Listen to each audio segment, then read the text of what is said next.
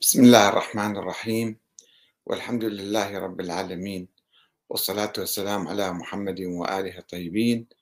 ثم السلام عليكم أيها الأخوة الكرام. ورحمة الله وبركاته.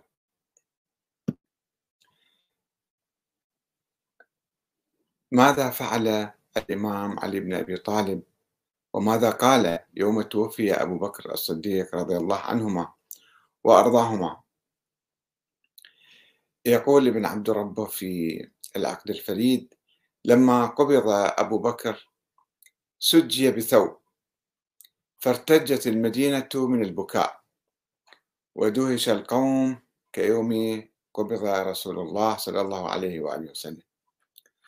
وجاء علي بن أبي طالب رضي الله عنه باكيا مسرعا مسترجعا حتى وقف بالباب وهو يقول رحمك الله أبا بكر.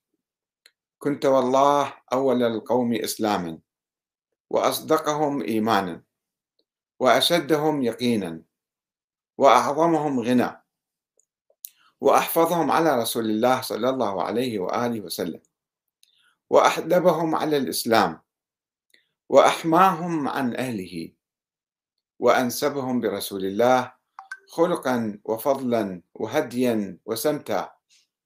فجزاك الله عن الإسلام وعن رسول الله عن المسلمين خيرا صدقت رسول الله حين كذبه الناس وواسيته حين بخلوا وقمت معه حيث قعدوا حين قعدوا. وسماك الله في كتابه صديقا فقال والذي جاء بالصدق وصدق به يريد محمدا ويريدك. كنت والله للإسلام حصنا وللكافرين ناكبا. لم تفلل حجتك ولم تضعف بصيرتك ولم تجبن نفسك. كنت كالجبل لا تحركه العواصف ولا تزيله القواصف. كنت كما قال رسول الله صلى الله عليه وسلم ضعيفا في بدنك قويا في دينك متواضعا في نفسك عظيما عند الله جليلا في الأرض كبيرا عند المؤمنين. لم يكن لأحد عندك مطمع ولا هوى فالضعيف عندك قوي والقوي عندك ضعيف حتى تأخذ الحق من القوي وترده للضعيف. فلا حرمك الله أجرك ولا أضلنا بعدك. آه هذه الرواية يرويها أيضا آه آه الإمام ابن عبد بر في أسد الغابة جزء واحد صفحة 91 وابن الجوزي أيضا في كتاب التبصرة حديث 71 ومصادر أخرى تروي هذه.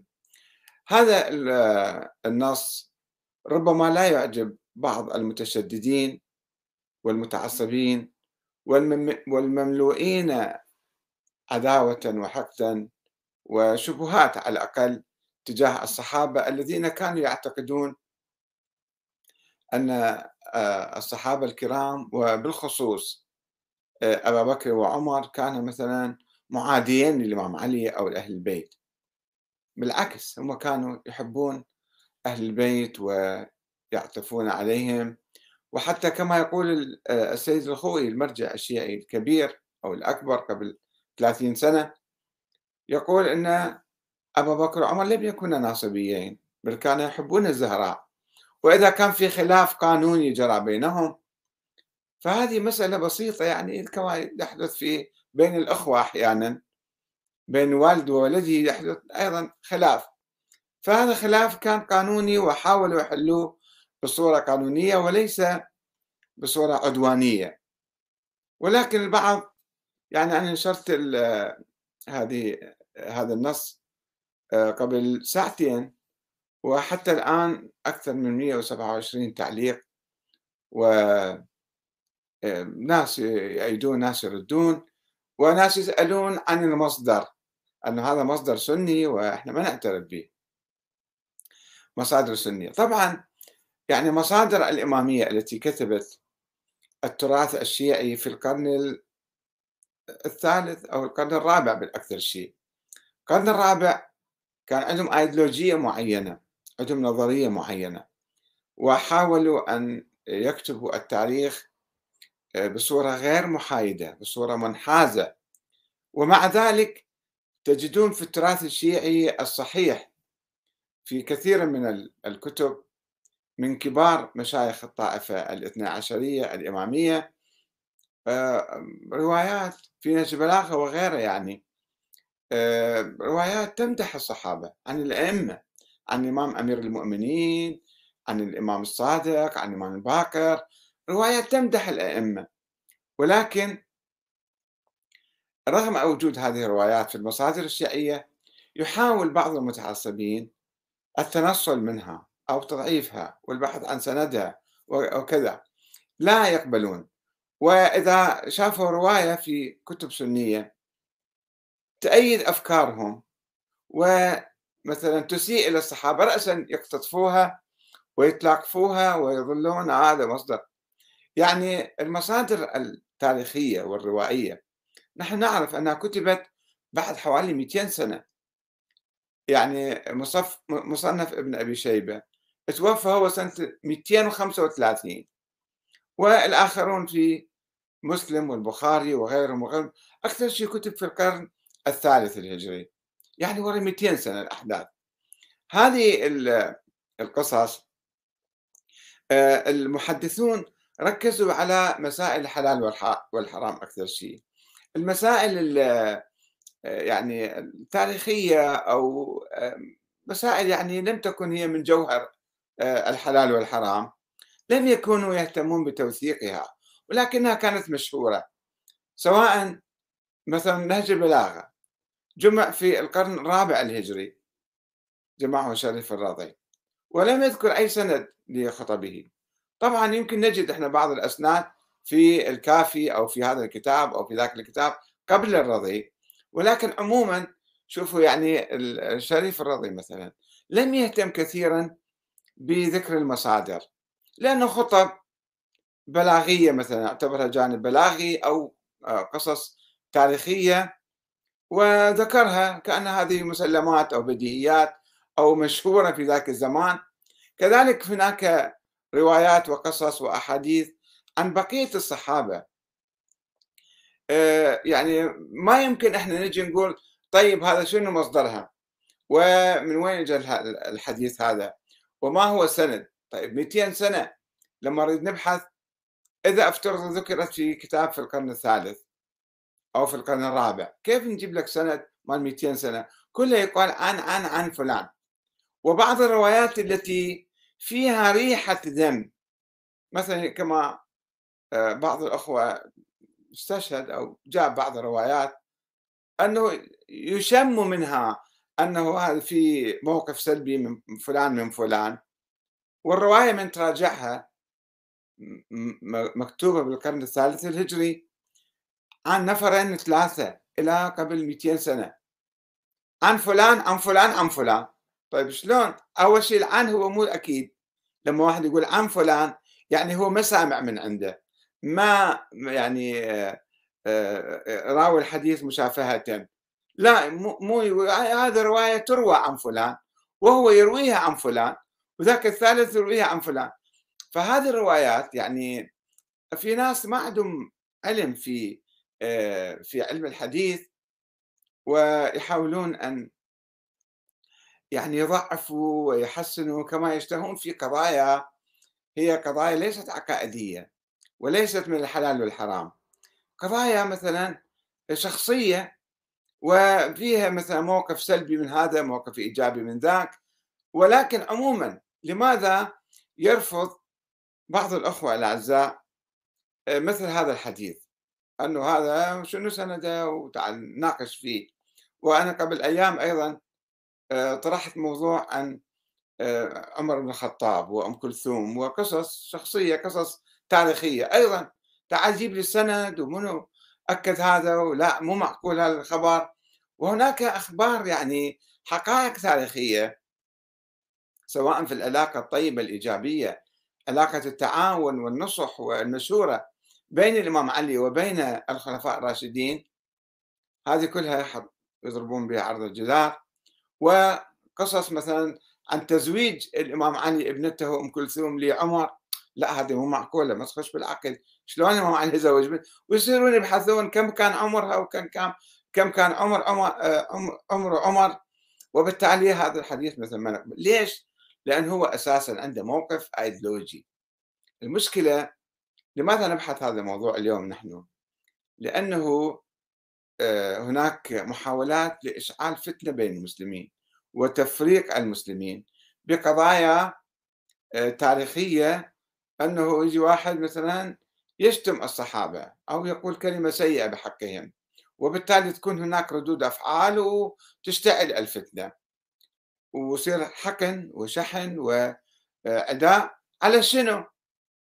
على لا شيء يعني هذه الفتنة المصطنعة التي يحاولون اختلاقها وإثارتها وبالتهجم على بعض الصحابة أو على الشيخين أنه ذلك كانوا اغتصبوا حق الإمام علي. طيب هسه أنت شو يهمك اليوم؟ كل الكلام هو في الحقيقة لماذا أنه هؤلاء الأشخاص آه، لا يقبلون الروايات الصحيحة أو الروايات المادحة للصحابة أو تعبر عن لسان الإمام علي وبقية الأئمة كلها يرفضوها لأنه عندهم موقف أيديولوجي وأيديولوجي ميت. يعني يا ريت في النظرية حية نظرية ميتة ومنقرضة وبائدة وهي نظرية الإمام الإلهي. بصراحة أنا أتكلم معاكم أنا كنت أشد المؤمنين بنظرية الإمامة قبل خمسين عاما وكتبت كتابا تحت عنوان عشرة واحد عشرة ناقص واحد يساوي صفر. ووضعت هذه الآية على الغلاف يا أيها الرسول بلغ ما أنزل إليك من ربك وإن لم تفعل فما بلغت رسالته. يعني الإمامة هي من آه، أهم أركان الدين كما الآن يعتقدون فيها بالنجف وغير النجف وبقم أنه الإمامة هي هذا عنده ولاية يدخل الجنة وما عنده ولاية يروح للنار. ويصير إما كافر في الدنيا أو لا مسلم في الدنيا كافر في الآخرة. من هال آه، الترهات من الحكي آه، اذا ف آه، الكلام حول نظرية الإمامة. نظرية الإمامة ما موجودة وانقرضت قبل 1200 سنة. هي كانت نظرية سرية مثالية خيالية عند بعض أصحاب الأئمة ألفوها وركبوها على الأئمة ووصلوا إلى طريق المسدود والإمام العسكري بإجماع الشيعة الإمامية الاثنى عشرية. يقولون الإمام العسكري لم يتحدث عن الإمامة عندما أحس بالوفاة لم يتحدث عن من الإمام بعدي م يتحدث عن وجود ولد له. تحدث عن أمواله ما يهمه كان عنده أموال وجواري وبساتين و كذا قال تروح إلى مثلا أمي. هذا اللي يعني معناته أنه الإمام العسكري في القرن الثالث الهجري في أواسط القرن الثالث الهجري لم يكن يهتم بنظرية الإمام. ولكن الناس اللي كانوا حواليه بعضهم حاولوا أن آه، يختلقوا ولدا له في السر وقالوا نحن على اتصال به وهذا هو موجود وهو غائب وهو المهدي المنتظر وهو كذا وكذا. وبالتالي هاي النظرية راحت في القرن الثالث في القرن الرابع بدايات القرن الرابع تقريبا الشيعة بطلوا عنها. الذين آمنوا بعدما تفرق الشيعة إلى 14 15 فرقة وذهبوا يمينا وشمالا. آه، الفرقة التي آمنت بهذا الشخص بوجود هذا الشخص الطفل الصغير عمره خمس سنين.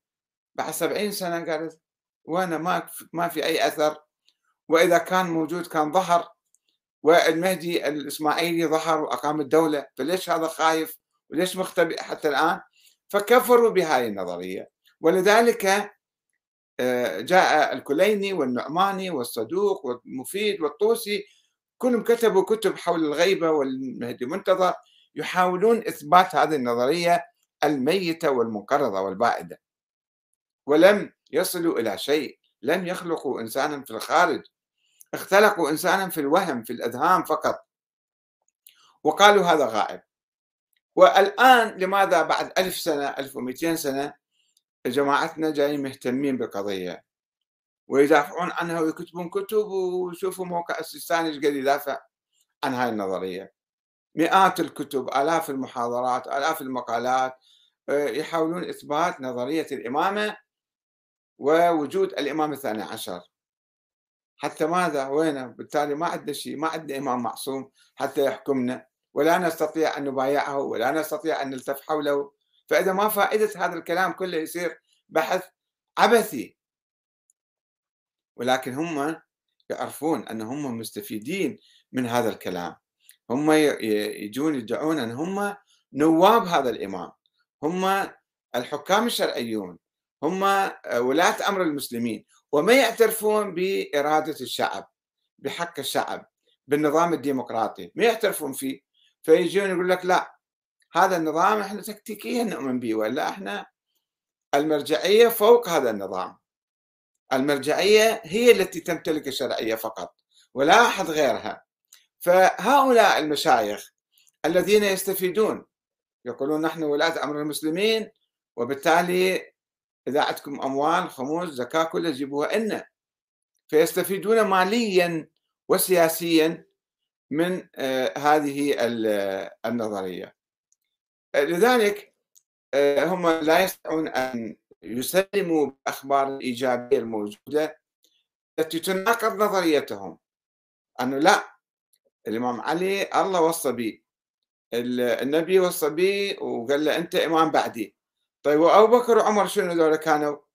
ذولا اغتصبوا الخلافة من الإمام علي طيب ليش الإمام علي بايعهم؟ لا ما بايعهم طبعا بايعهم قسرا وأجبروه واقتحموا البيت وكسروا الزهرة وحرقوا الباب وسقطوا جنينها وجروه بالحبال حتى يروح يبايع وبايع والسيف تحت على رأسه على رقبته هذه القصة يروها لإنقاذ نظرية الإمامة التي تتناقض مع التاريخ ومع الواقع.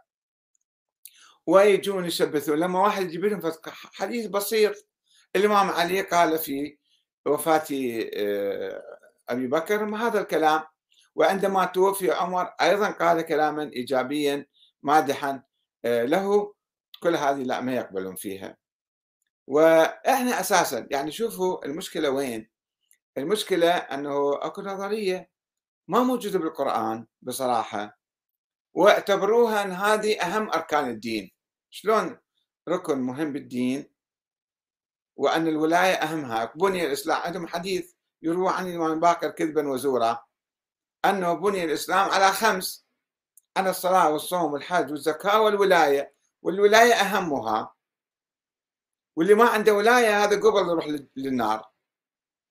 طيب هذا إذا الله ذكر الصلاة والصوم والحج والزكاة بالقرآن الكريم ولكن لم يذكر الولاية ابدا ولم يشر إليها والنبي محمد لم يفعل ذلك فإذا كان الولاية إذا كانت الولاية مهمة. لماذا أقول هذا الحديث مكذوب على الإمام باكر؟ لأن الإمام باكر إمام عظيم من أئمة أهل البيت ويعرف القرآن ودارس القرآن ما يحكي في الشيء ضد القرآن. والإمام الصادق أيضا يقول ذلك. يقول أي حديث تشوفوه جاي منسوب إنه ومخالف للقرآن لا تأخذوا به اضربوا به عرض الجدار فلذلك أقول هذا حديث كذب وحديث موضوع على الإمام الباقر. آه، آه، فالإمامة إذا كانت هي مهمة كان الله ذكرها بالقرآن. الله ذكر بيعة الشجرة ورضي الله عنهم وما ذكر بيعة الغدير. لو كان الغدير فعلا في موضوع الولاية وهذا الولاية مهمة والولاية أهم أركان الدين. على كلفة آية آيتين كان الله نزل على على الموضوع. لماذا لم يذكر لا الإمام علي ولا الولاية ولا بيعة الغدير ولا شيء من القبيل؟ فالمهم هم عاملين نظرية معينة وهاي النظرية هي منتهية ما, ما لها وجود. هذا الشيء العجيب الغريب. أن النظرية ميتة وراحت. بالقرن طلعت بالقرن الثاني ورا 100 سنة 150 سنة وصلت إلى طريق المسدود. وطبعا خلال هال 100 سنة أيضا مرت بعقبات كأداء. مرت بعقبات كأداء ما يمكن واحد يعني لو شوية يفكر فيها ودرس تاريخ نظرية الإمامة اولا يقولون الإمام الباقر الإمام زين العابدين. منين منين يجيبون هاي النظريه؟ الإمام زين العابدين يبدأون. زين العابدين كيف صار امام محمد بن حنفية صار إمام الشيعة بعد الإمام الحسين؟ يقولون لا هو اختلفوا وتجادلوا وذهبوا للحجر الأسود والحجر الأسود ثبت إمامة زين العابدين. طيب زين العابدين هل وصى للباكر؟ عنده عشر أبناء زين العابدين. ما في وصية للباكر. يقولون أعطاه كتب صندوق كتب أعطاه صفط من الكتب. طيب هذا هو دليل إمام يسير. بعدين الإمام باكر كان يخلق من آه، من الطين فيلا ويركب عليه ويروح يحج ويجي. هذه معجزة الإمام باكر. الإمام الصادق أوصى إلى إسماعيل. إسماعيل مات بحياته. قال له شلون؟ توصي يقول تقول هذا إمام بعدي ويموت قبلك. قال لقد بدا لله الله غير رأيه. زي موسى الكاظم راحوا إلى بعدين. وقال أنا مو إمام ما عليكم بي روحوا عني. ولم يعترف. يقولون بالسر قال. قال لا تقولون لأحد أنا إمام. طيب الرضا راح صار آه، ولي عهد للمأمون واعترف بالمأمون وبايعه. طبعا ما نتحدث عن الإمام الحسن وبيعته لمعاوية ذاك موضوع آخر. البقية الأئمة نفس الشيء كانوا في متحالفين مع العباسيين وما كانوا يتحدثون عن الإمامة. إنما بالسر بعض الولاة كانوا يتحدثون عن ذلك. ووصلت إلى طريق المسدود. الإمام الجواد عمره سبع سنوات. لا يصلي لا يصوم. شلون الله يعين إمام للمسلمين؟ الإمام الجواد نفسه لما أحس بالوفاة ابنه الهادي كان عمره ثمان سنوات فوضع عليه وصيا وقال له لما يكبر أعطي أموال الأموال إليه. هذا وصي الطفل بعد صغير ما يقدر يتصرف الاموال لما يبلغ الرشد أعطيه المال. فشلون إمام يصير عمره سبع سنوات أو ثمان سنوات أو خمس سنوات على كما يقولون. فالنظرية كلها متهافتة ومو مو يعني متراصة وقوية. عندما تدرس أي فقرة ما هو ما هي النصوص على الأئمة؟ لا توجد نصوص. ما هي الوصايا؟ لا توجد وصايا. كيف تثبتون الإمامة؟ بالمعاجز. المعاجز النبي محمد ما جابها. لكفار قريش. أنتم شلون تختلقون معاجز وهمية وقصص أسطورية وحتى تسوون نظرية؟ المهم الهدف ال الذي يدفع الآن لإشعال الفتنة هو محاولة السيطرة على المجتمع والقضاء على على النظام الديمقراطي. على الفكر الديمقراطي.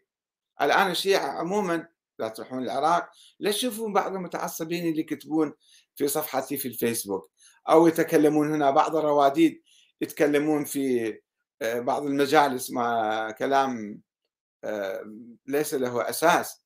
إنما شوفوا عامة الشعب عامة الشعب العراقي عامة الشيعة لا يؤمنون بهالكلام ويردون نظام ديمقراطي بانتخابات عادلة ومعبرة عن عنهم وبالاتحاد مع بقية الأخوة المواطنين في العراق. هذا هو رأي الشعب العراقي الشيعي والسني مع بعض. إنما الغلاة والمتطرفون وبعض الناس اللي يشتغلون بالحوزة ما عندهم شغل وعمل إلا إثارة هالمواضيع والدفاع عن النظريات الأسطورية المنقرضة. فيحاولون يتكلمون ولأنهم مستفيدين ويثيرون الفتنة حتى يعيشوا. يمزقوا المجتمع. هسه أنا ما أتهم أحد بأنه عميل ومرتبط بالمخابرات الأجنبية مثل ما هم يجترئون على الاتهامات وقذف الآخرين والافتراء عليهم. شوفوا شوفوا كيف يتكلمون عني بعض المشايخ يعني بعض الناس لا. رأسا استكبار العالمي والإمبريالية وما أعرف منه ويتهموك وأنت تقبض من فلان ويحلف بعدين. بعضهم يحلفون وهم ما شايفين أي شيء. لما تسأله يقول له شنو دليلك على هذا الموضوع؟ عندك سند قوي. دائما تتكلم بدون سند بدون منطق بدون توثيق بس اتهامات عشوائية وخيالية ووهميه صدقها ولا أريد أن أتحدث عن وجود الإمام الثاني عشر كيف تصدقوا فيه؟ وما هي رواياتكم وما هي أحاديثكم؟ بالعكس عندكم روايات مناقضة له ترفضوها وتقبلون هذا الكلام اللي سري وباطني ومشبوه ومنحاز وواحد دا يستفيد يجر النار إلى قرصه تقبلون كلامه وما تقبلون روايات أخرى صحيحة معقولة منسجمة مع بقية مع أولا منسجمة مع الواقع مع الواقع التاريخي الذي يحكي عن علاقة طيبة وإيجابية وأخوية بين الإمام علي وبين بعيدا عن نظرية الإمامة والنص والتعيين. الإمام علي لم يكن يعرف ذلك.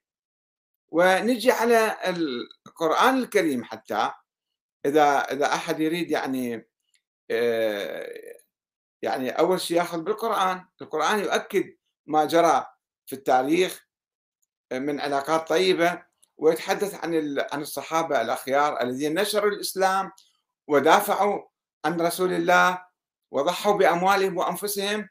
ويجيك واحد بشبهة بإشاعة بحديث خبر أحد مقطوع يجي ينسف القرآن يرفض القرآن ما ما يوقف حتى يقرأ القرآن. الله سبحانه وتعالى يقول بسم الله الرحمن الرحيم. والسابقون الأولون من المهاجرين والأنصار والذين اتبعوهم بإحسان رضي الله عنهم ورضوا عنه وأعد لهم جنات تجري تحت الأنهار خالدين فيها أبدا.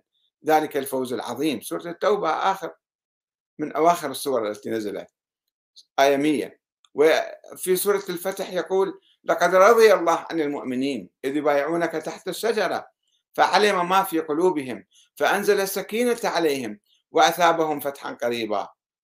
آية 18 وأيضا يقول كنتم خير أمة أخرجت للناس تأمرون بالمعروف وتنهون عن المنكر وتؤمنون بالله.